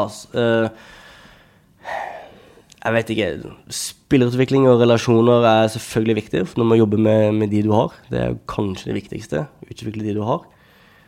Um, men du er nødt til å være god på, på spillelogistikk på alle nivåer. Som trener, kanskje spesielt uh, lavere divisjoner, for det, jeg gjør mye av det sjøl. Um, Er det mye rundt å se matcher og sånn? ja, en del. Uh, men man får jo sett alt på video i tillegg. Og så begynner vi Altså, vi har en strategi, og vi henter mange unge spillere. Og helst, og da bør de helst være på landslag. Det er som å ha en oversikt over hvem er det som er på, landslag, hvem er i loopen der. Og høre litt med trenere eh, som kjenner de, da. Så får man mye tips også fra agenter og andre. Men eh, men ser en del matcher i området her. Men det er jo stort sett fra lån eller fra andre klubber som vi henter spillere fra. Mange av de kjenner vi fra før av. Men det, det er et område du må være god på, i hvert fall på det nivået her.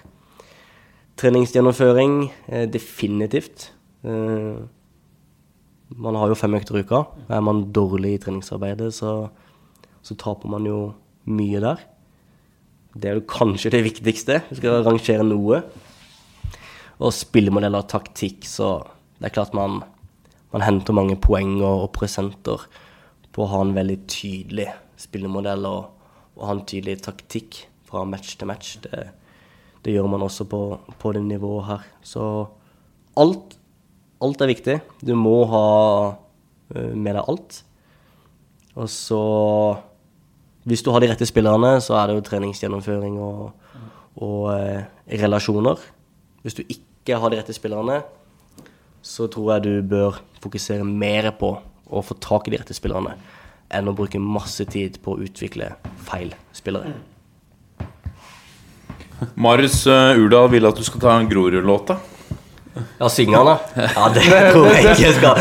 står Grorud-låta utropstegn, så det er jo åpen for tolkning. eh, Ja, ja, det er eh, Jeg tipper han mener den nye låta til, til Chris Bako. Chris Bako er en lokal rapper eh, fra, fra Romsås som er veldig dyktig. Og han, eh, han fikk vi til å lage en låt Vi ble 100 år i fjor. Han lagde en låt til den matchen der som Nei, til, til det året der, som vi spiller på hver hjemmekamp og sånn. Så det er ganske bra. En solid låt. Hva heter, hva heter låta? Nå er vi her, Ja. heter han. Chris Bako. Spotify. Søk opp. Ja. Så har vi også eh, faen hva det heter. Bare Egil-band. Eh, faen i helvete-låta om Grorud. Faen i helvete, hvem er det beste laget? Det er Grorud. Den har vi også spilt før. Den er litt mer brutal. Men vi, vi føler vel at den låta til Chris Bako er vår offisielle låt. Sindre Taule Sandstå lurer på om eh, er det noen fordeler å være så ung som trener? Nei, ingen. ingen fordeler. Jo, jeg tror eh, Den største fordelen er at man, eh, man får jo flere år som trener. Man får mer eh, erfaring. Så når, eh, når jeg er 40 år, så har jeg vært eh, trener i, i 13 år allerede. Mens de som går rett fra en spillekarriere, er jo inne i sitt andre, tredje år. Uh, og jeg tror, uh, jeg tror erfaring er veldig viktig. At man Det er utrolig mye man må lære uh, i dette yrket her. Ekstremt mye. Det er, det mye å, å sette seg inn i. Og, og erfaring i det yrket her, det tror jeg er viktig. Så det tror jeg vel er den største fordelen. I tillegg så kanskje at det er ikke så lenge siden eh, at, at jeg har vært spiller sjøl, og det er ikke så stor aldersforskjell på spillerne. Så det er kanskje litt lettere å sette meg inn i hvordan, hvordan de tenker og hva de ønsker, og, og, og prate med dem og bygge en relasjon. Faroebolt.fo en eh, blogg om eh, fotball på Færøyene, drevet av to norske eh, tvillinger. Eh, de lurer på om du vil gå i Julian Madsen sine fotspor og ende opp på Færøyene. En vakker dag, du også. Ja, det Siden kan- han også da har blitt kåra til årets unge trener Ja, da han vel var i Bodø-Glimts eh, junioravdeling. Stemmer. Ja, eh, det kan jeg gjerne gjøre. Jeg har, eh, har, lyst på, jeg har lyst til å oppleve mye i løpet av min karriere. Og er veldig eventyrlysten. Så å, være trener på Færøyene, det, det kunne vært uh, utrolig kult, uh, det også. Så ja, det kan jeg godt tenke meg det. Det er ikke sikkert jeg trodde at du skulle få det svaret. Kanskje- Nei, det er godt mulig. Og det, jeg holdt Fatters fikk tilbud en gang, nå spurte vi av igjen, men fikk tilbud om å bli trener på Færøyene da jeg var ganske ung. Tror jeg var 9-10-11 år, noe sånt noe. Og det Torshavn. Ja, det var vel det, det var det og noe inn mot landslaget. Eh, endte jo da opp med å si nei. Eh, klart det Ja, jeg er litt usikker på hvor begeistra jeg hadde vært for Færøyene, men eh, hvem vet. Så Ble Premier League isteden, da. ja, det får gå. Eh, men det er klart, Færøyene Er man glad i naturen, så har man noe å oppleve på Færøyene, i hvert fall, ser det ut som. Petter Ødemark lurer på de tre viktigste tingene en gruppe må gjøre for å lykkes sammen. Når du først har, eh, har valgt gruppa di, så tror jeg Så gruppa må De må trives sammen. Altså, de må De må ville vinne for hverandre, og de må unne hverandre suksess. Uansett om de spiller eller ikke. Så det å bygge den eh, Den kulturen der, samhold i garderoben, og, og få det til å bli kompiser. eh, det tror jeg er definitivt en av de tre. Um, ja, hva mer? Man må Hvordan gjør du det, da? Pizzakvelder og, og, og Champions League, eller er det mindfulness og åpne seg, eller hvordan Altså, det er jo ulike trenere som har ulike varianter her. Ja, jeg, vet. jeg har veldig troa på, på, på sånne ting som mindfulness osv., men det er ikke noe vi har innført her. Ennå, i hvert fall. Men det er jo, man må bruke tid sammen. Altså, vi drar på treningsleir, er ekstremt viktig. Vi får med hele gruppa dit. Da bor man tett sammen og er sammen hele veien. Man må ha noen kvelder, som du sier, hvor man spiser mat, spiller Fifa, gjør sånne ting. Og så må man prate om det og legge vekt på det. Vi som trenere må prate om viktigheten av at de bygger relasjoner, og at de blir kompiser. For det er også noe med hvilken kultur vi skaper. Eh, Så hvis vi bare vil ha konkurranse mellom de, og at de skal kjempe om plassene sine, så kan vi jo skape kulturen der. Det tror jeg ikke vi er, eh, er tjent med.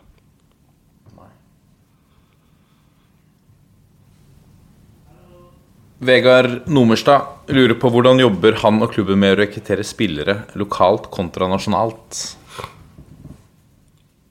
Altså, vi henter jo Det spørs hva jeg mener med lokalt, da. Men uh, vi henter jo bare spillere, egentlig, som, som bor i en naturlig reiseavstand for oss. Vi har ikke noen leiligheter eller noe hus som vi kan flytte spillere til. Um, men vi er eh, stort sett på jakt etter uh, gode spillere fra toppklubber og andre divisjon, som går og hever oss mildbart. Uh, og de bør helst bo her, men det er jo spillere som, som vi vet om og som vi følger med på. og som, vi, som jeg ser Jeg ser utrolig mange kamper i andre divisjon. Så følger jo med på andre divisjon. Eh, men også på Obos-ligaen er det noen spillere der som kan være aktuelle. Uh, ellers er det unge, lovende, talentfulle spillere. Og da det er som jeg sa tidligere, at vi følger med på landslagsuttak og, og hvilke unge, lovende spillere er det som er i toppklubb, som ikke får spilletid, som vi kan låne neste år. Der har vi en, en god oversikt over mange unge spillere. Så det er mest det. At vi ser litt matcher, vi ser Årvoll har vi jo god kontroll på. Grei. Vi vet jo om Rommen. Gjelleråsen gjør det bra. Så vi ser en del kamper, men det er få Det er få spillere i tredje divisjon som kan gå inn og gjøre det bra i toppen av andre divisjon. Så hvis de er de fleste unge, lovende spillere, de er ikke i Grei og Gjelleråsen. De er i toppklubb.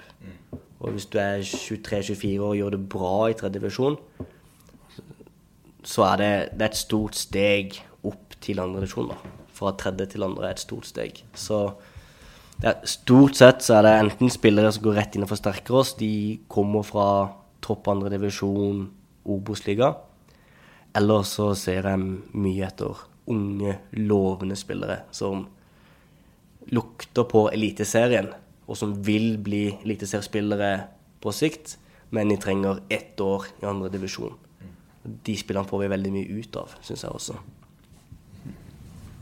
Så du ser aldri noe lenger ned enn en tredjevisjon? Er det Da, da er det veldig spesielle caser Uh, at en spiller altså virkelig skårer veldig mye mål. Så kan man dra og se, men det er én ting å skåre Om du skårer masse mål i fjerde divisjon, så er det ikke sikkert du gjør det i andre divisjon. Det er, det er jeg er aldri tredje. Så det er en vanskelig Det finnes jo, selvfølgelig. Og hvis de spillerne finnes her i Groruddalen, så, så burde vi jo eh, få tak i dem. Men eh, det er ikke ofte du hører om det. Det er det ikke. Og sånn generelt så ser man altså på toppskårerlistene i fjerdedivisjon, så er det veldig mange som er 5, 6, 27, 28, og som har vært oppe i andredivisjon og vært og lukta og spilt en sesong eller to eller tre, og så har liksom ikke hatt en motivasjon til å dra fra jobb, sånn som du sier, og så dra og trene klokka fire, og så være hjemme og så gjøre det samme fem dager i uka, men som heller vil trene én eller to ganger i uka og være litt konge i fjerdedivisjon istedenfor å sitte på benken i andredivisjon. Så eh, Rikke. Alba er jo et eksempel her. Han, eh, han spilte jo Obos-liga, andredivisjon. eh, var i Asker. Skåret lite mål. eh, spilte en høst for oss og gjorde det OK. Og så valgte han å trappe ned til tredje divisjon og, og skåre mye mål der. Klart at det, det er imponerende. Han skåret vanvittig mye mål. Klart han har mye i seg. Men eh, eh, Ja, han dro jo til Fredrikstad og har spilt litt der og har skåret mål. Men det er ikke en spiller som, eh, som vi hadde på lista vår over spillere vi ville hente inn. Selv om han er kanskje det heteste objektet i hele tredje divisjon for mange. Ja, ikke sant? det er ikke så mange. Nå har du sånn som fra din region, Joakim Holtan, som jo kommer fra altså Fikk ikke sjansen i start. Trapper ned, spilte femte, fjerde eller femte divisjon. Havner i Mandal og nå da skåra ett mål i snitt per kamp, og som da får trene med Viking, og som jo har skapt et navn for seg selv. Altså, det var ingen på Sørlandet som visste hvem han var omtrent da han var startjunior og måtte spille litt back og sånn der. Og så plutselig da går han fra å være en anonym startjunior ned langt, langt ned i divisjonene, og nå trener da med eliteserieklubb. da. Så noen kan jo klare det, men igjen, han er i tredje divisjon, har ikke vist noe høyere opp ennå, selv om navnet er på blokka til mange, da, fordi han skårer så vanvittig mye nå. Men han er litt yngre, da. Så da er det enda litt mer spennende. Men er du 25-26 år og har spilt tredjedivisjon, gjerne tre økter i uka, kanskje har en jobb Altså, det, det skal klaffe, da. Skal du satse i andredivisjon og trene hver dag og bruke hver helg, og du skal prestere, du skal holde deg skadefri, du skal holde deg motivert altså det, det er ikke for alle. Det er ikke for alle. Stian Bø lurer på hvilke aspekter av krydderfotballtankene fra Vindbjart har han videreført i egen trenergjerning, og eventuelt hva fungerer? Du smiler godt. Ja. Jeg får, jeg får det spørsmålet her eh, utrolig ofte, egentlig. Det, det er liksom hver gang jeg prater med, med Feven eller podkast, liksom, da kommer det spørsmålet opp. Det er naturlig. Vi er jo, er jo spilt fotball i, i Vindbjart, og vi har jo en daglig leder fra Vindbjart. Og vi har Martin Høiland, som, eh, som spiller på A-laget, er jo også fra Vindbjart. Men det er eh, egentlig ganske mye ulikt fra, fra den tida der. Eh, klart vi, vi også ønsker å spille fotball langs bakken, og helst eh, begeistre publikum litt, men ikke så ekstremt kanskje som i Vindbjart. Og klart, eh, her er det lov å klarere, og veldig ofte så, så, så vil jeg at spillerne skal klarere i noen situasjoner, og, og vi kan uh, definitivt også være kyniske, og vi kan parkere bussen hvis det er det rette. Og vi spiller ikke 4-3-3 på samme måte. Vi, vi ønsker å spille mer sentralt i banen og finne stikkere der, mens Vindbjart er mye mer veldig typisk 4-3-3. Ut på kant, slå innlegg mot en targetspiss. Øy- Øyvind Gausdal. Øyvind Gausdal, ja. Det, og det, det har funka ekstremt bra der. Og det er noen klubber i Norge som er veldig opptatt av, eh, av egen spillestil, da. Og, og gjøre det til perfeksjon. Angrepsspill, vi skal ha disse bevegelsene. Og hvis vi bare gjør det godt nok, så kan vi spille ut hvem som helst, uansett hvordan de spiller, da. Um, og det er en styrke, det, for man blir veldig trygg på spillestilen sin, veldig trygg på hva man skal gjøre. Uh, men Og det er lett, altså man lærer det Du kan lære det ganske fort til mange, for det, du skal gjøre sånn og sånn og ballen er der og der. Men jeg liker mer å å tilpasse mer, da. At spillerne mer skal, skal løse situasjoner. Og kunne løse situasjoner uansett hvilken type motspill vi møter. Og like å variere litt i taktikk fra match til match på hvem, hvem vi møter. Vi kan være veldig offensive og stå høyt og, og spille oss ut bakfra hvis det er det rette. Men vi kan også slå mye langt og, og ligge og forsvare oss.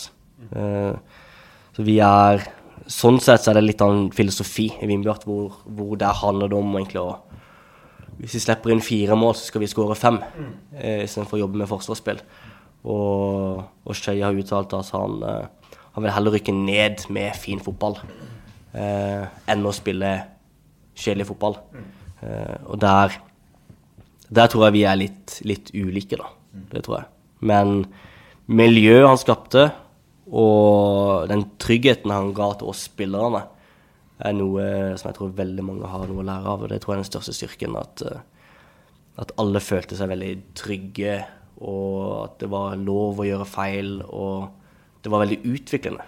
Jeg følte sjøl at jeg tok store steg som spiller. Mye større steg der enn jeg tok i Skottland, f.eks. Uh, ved å ha den, den tilnærminga der, da. Så der der har eh, vi nok tatt med oss litt fra Vindbjart og, og har mye mer å hente.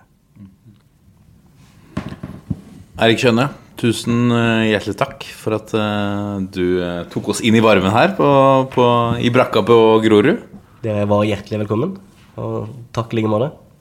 Takk til deg, Jørgen Kjernas. Jo, takk selv. Mange takk. Eh, lykke til i en hyre spennende sesongavslutning. Det trenger. Eh, Så er er det lov å si at vi håper at det går gurus vei? Vi må si det i hvert fall når vi sitter her. Ja, jeg sitter jo her som gurudøl, så selv om jeg har hatt med en annen dratt i barndommen, så så klart at jeg syns jo det hadde vært veldig, veldig gøy. Vi er eh, Toppfotball på Facebook, Twitter og Instagram. Gå gjerne inn og legg inn en rating også, så blir vi veldig fornøyd. Og så må vi avslutte på sedvanlig vis på 1, 2, 3. Vi er en gjeng. Ha det!